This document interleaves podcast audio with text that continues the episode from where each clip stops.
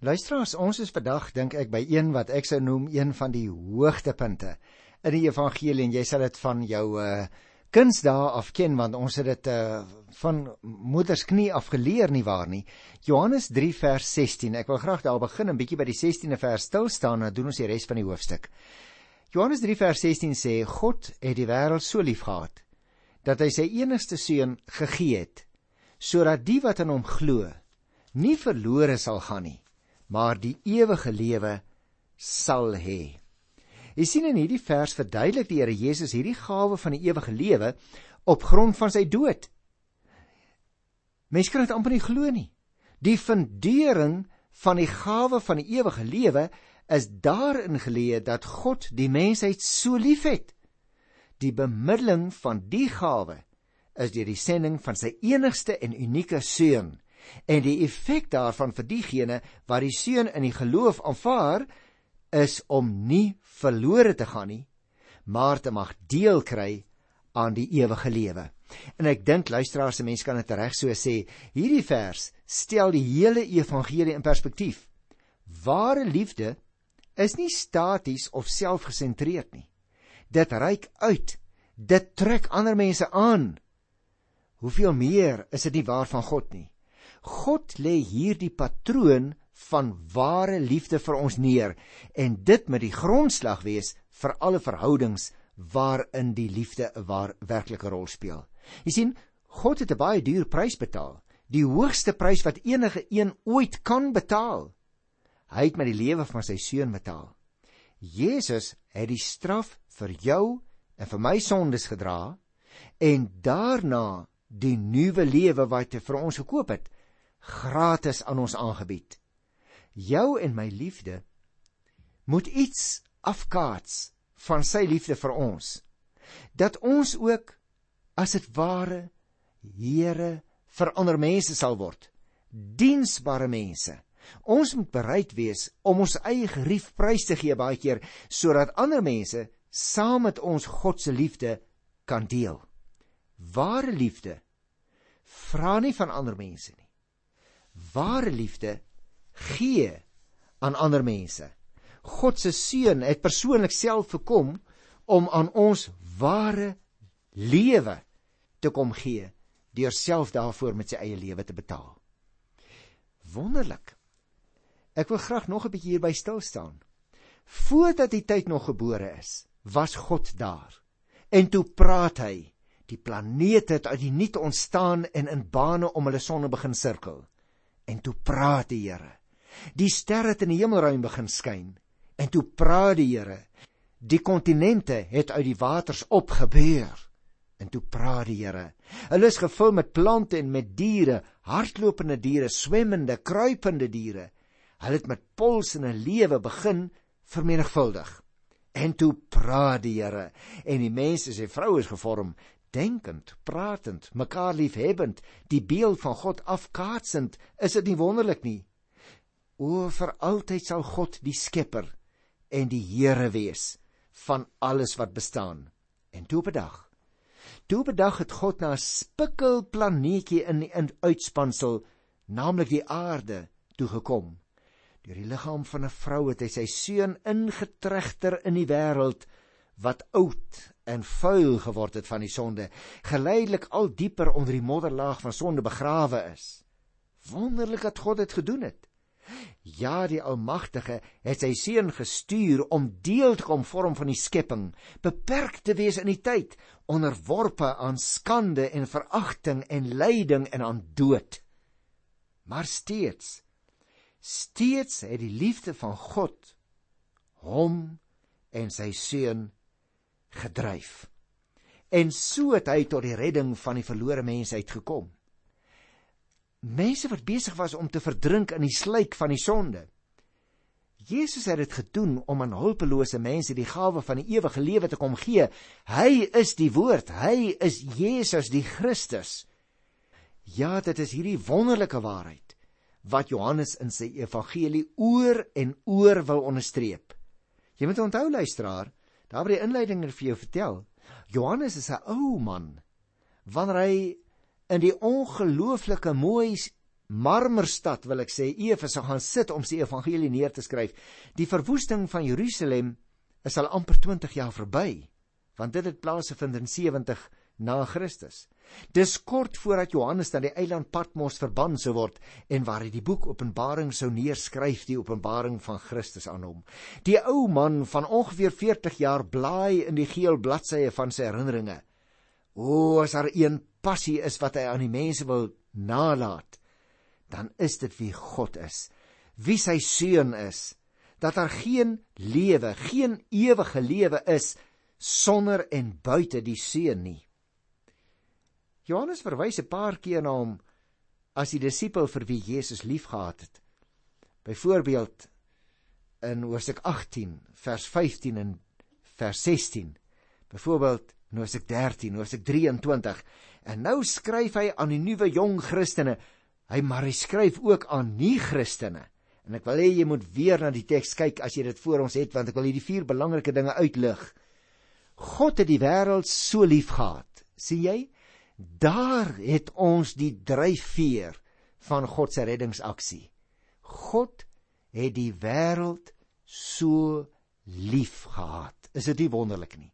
Die tweede dingetjie dat hy sy seun gegee het.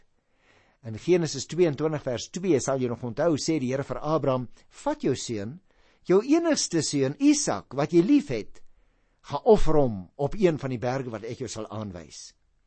En dan daar in dieselfde Genesis 22 by vers 12 keer hy vir Abraham, hy sê: "Los jou seun, moenie iets aan hom doen nie."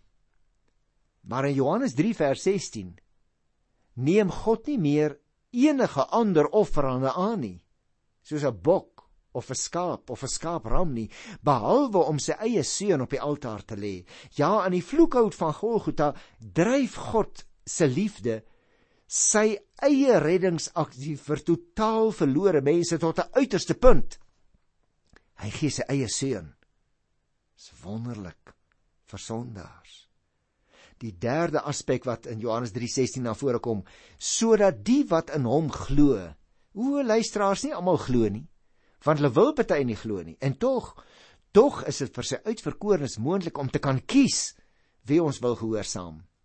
In Deuteronomium 30 vers 19 laat Moses ook al self sy mense besluit. Kies die lewe sê daar vir hulle. En in Joshua 24 vers 15 laat Joshua weer 'n slag die mense besluit. Kies dan vir julle vandag wie julle wil dien.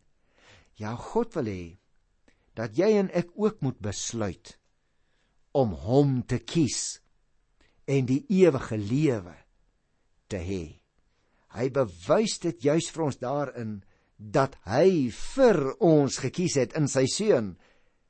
En tog tog bly dit so dat nie almal wat hoor kies om te glo nie.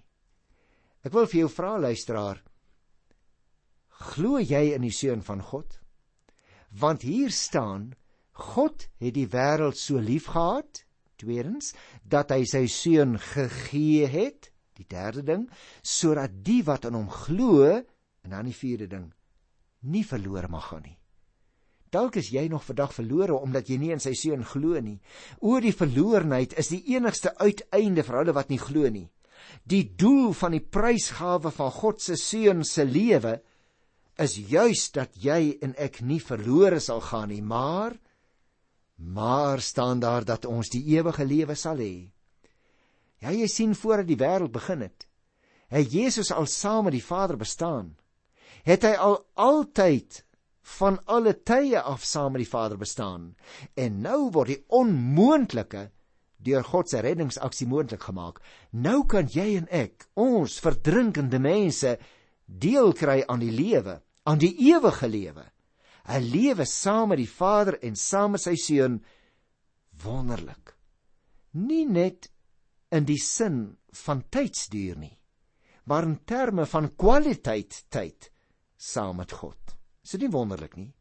En luisteraar, nie eendag nie. Nee, dit begin nou.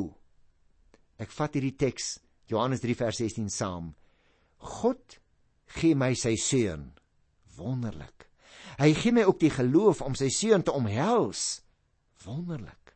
Hy gee my ook die ewige lewe op die koop toe Wonderlik. Luister, voordat die tyd gebore is, was God daar. En toe praat hy. Die planete het uit die niet ontstaan en en in bane om die son begin sirkel. En toe praat hy. Die sterre het aan die hemel begin skyn. En toe praat hy, die kontinente is gebore en toe praat hy die plante en die diere het ontstaan en toe toe stuur hy uiteindelik na die skepping van die mens sy seun sodat die wat aan hom glo nie verlore sal gaan nie maar die ewige lewe sal hê wonderlike god wil jy nie dalk vandag vir die eerste keer kies nie luisteraar Die evangelie is vir jou bedoel. Nou kom ons gaan aan met die res van Johannes die 3de hoofstuk hier van die 17de vers af. God het nie sy seun na die wêreld toe gestuur om die wêreld te veroordeel nie. Wonderlik dat hy so verder gaan, hè? Maar sodat die wêreld deur hom gered kan word. Jy sien luisteraar, God se doel met die sending van sy seun was nie om die mensheid te veroordeel nie, maar juis om hulle te red. Kyk herhaal nog 'n keer in die 18de vers: Wie in hom glo, word nie veroordeel nie. Wie nie glo nie, is reeds veroordeel omdat hy nie in die enigste seun van God glo nie. O luisteraars, wie in die seun glo, aanvaar hom. Die oomblik van verwerping van die seun, met ander woorde deur nie te glo nie, is ook reeds die oomblik van oordeel. Maar nou staan hier tereg Wie in hom glo, het egter reeds deel aan die ewige lewe. Luister na vers 19. En so kom die skeiding. Die lig het na die wêreld toe gekom. Onthou dit nog uit die eerste hoofstuk. En nou herhaal Johannes dit hier. Die lig het na die wêreld toe gekom en tog het die wêreld eerder die duisternis as die lig liefgehad, want hulle dade was sleg. Jy sien luisteraar, Die mensgeworde Jesus is die lig vir die wêreld. Ons het dit in die 4de vers in Hoofstuk 1 al gehoor. Wat die sondige duisternis binne gedring het. Die mense was egter meer lojaal aan die duisternis en hulle het deur hulle dade hulle geïdentifiseer met die duisternis. En so veroordeel die mens homself natuurlik. Luister na vers 20. Elkeen wat kwaad doen, haat immers die lig kom nie na die lig toe nie sodat sy dade nie aan die kaak gestel moet word nie. Jy sal nog onthou, ons het al hieroor gepraat, maar kom ek pas dit prakties toe? As jy en ek gesondig het, dan wil ons ons weghardloop vir die Here. Dis net soos Adam en Eva daar vroeg in die Bybel. Ons is bang om na die Here toe te kom.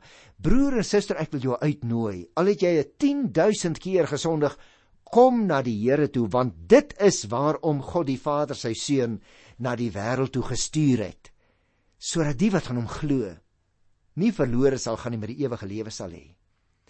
En daarom is dit nou vir my baie interessant nadat Johannes met soveel passie dit neergeskryf het wat Johannes die Doper gedoen het, kom hy nog 'n keer na Johannes die Doper toe terug.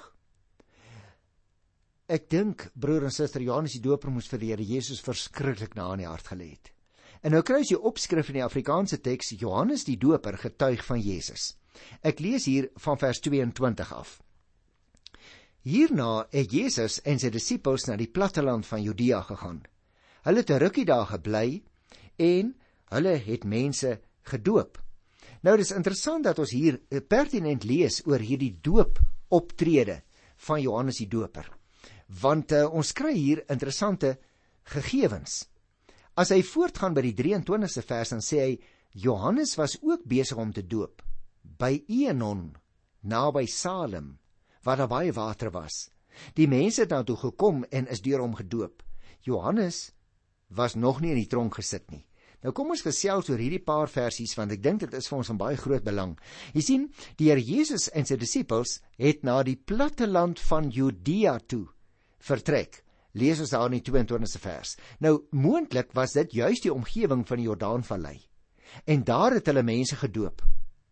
In die 4de hoofstuk by die 2de vers word duidelik gestel dat dit Jesus se disippels was wat die doop van bekering, soos Johannes die Doper ook gedoen het, bedien het.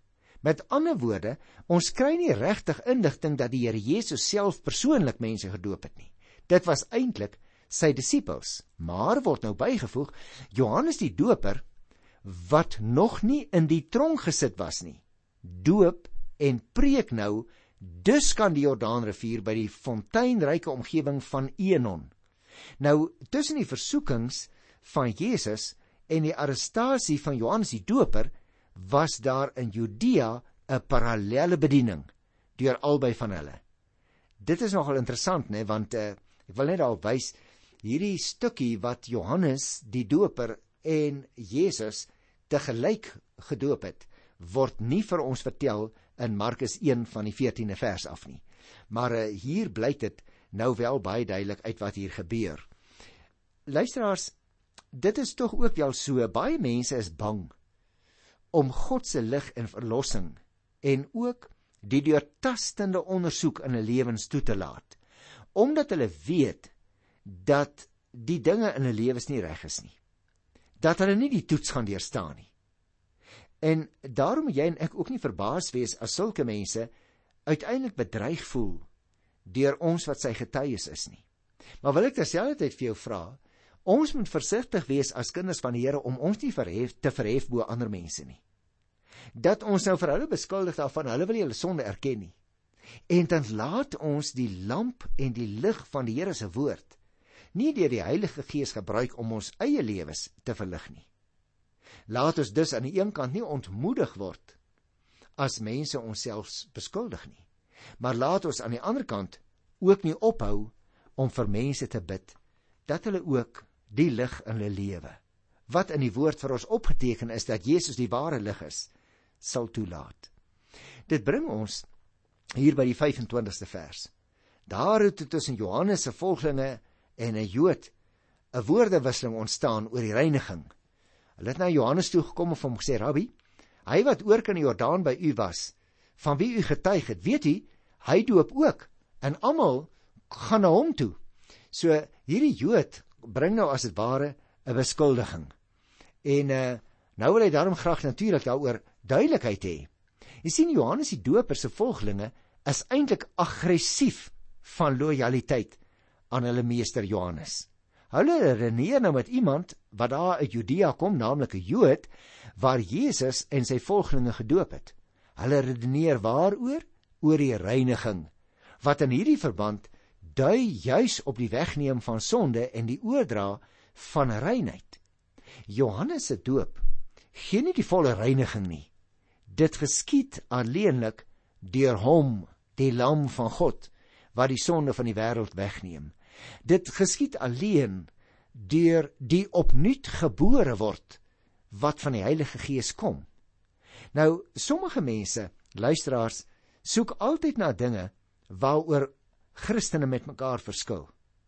Want hulle geniet dit eintlik om onmin en ontevredenheid tussen Christene te saai.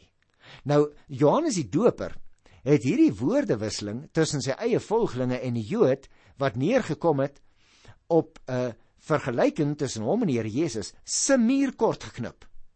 En hy lê die klem op die Here Jesus. Johannes die Doper ken sy plek omdat Jesus vir hom gesterf het. Johannes die Doper wil nie belangrik wees vir ander mense nie.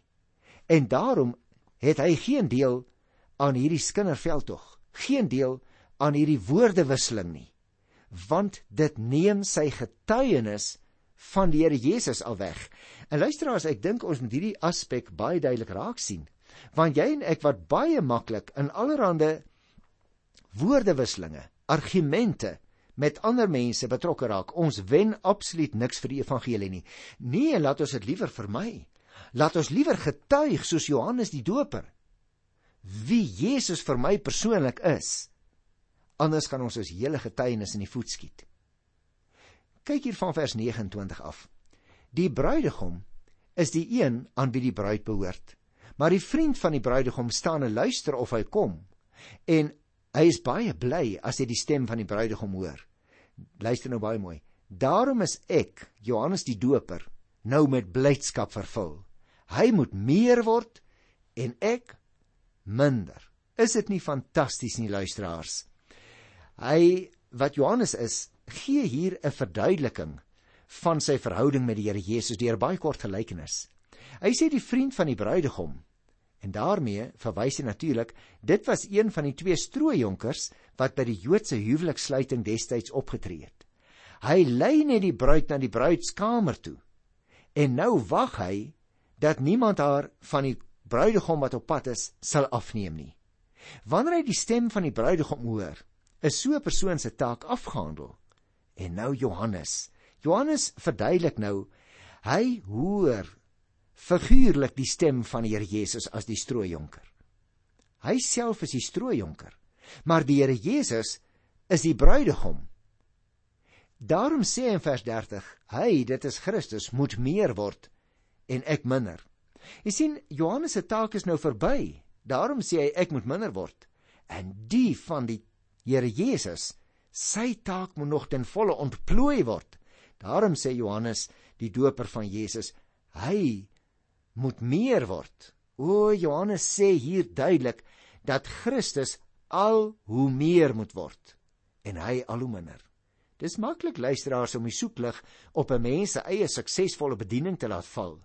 Op jou eie suksesvolle getuienis miskien, in plaas daarvan om al die lig op die Here Jesus te laat skyn.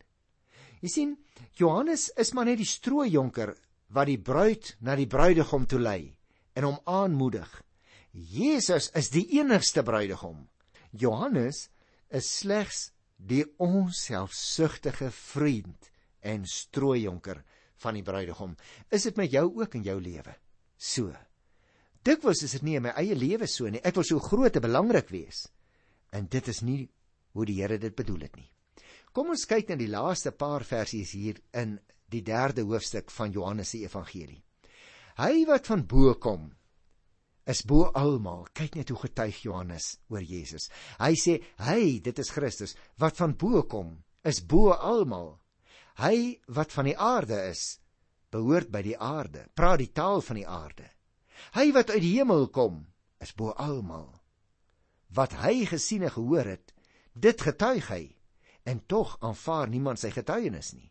Wie sy getuienis aanvaar het, het daardeur bevestig dat God geloofwaardig is. God het hom immers gestuur en hy, dis nou Christus, spreek die woorde van God, want God gee hom sy gees sonder enige beperking.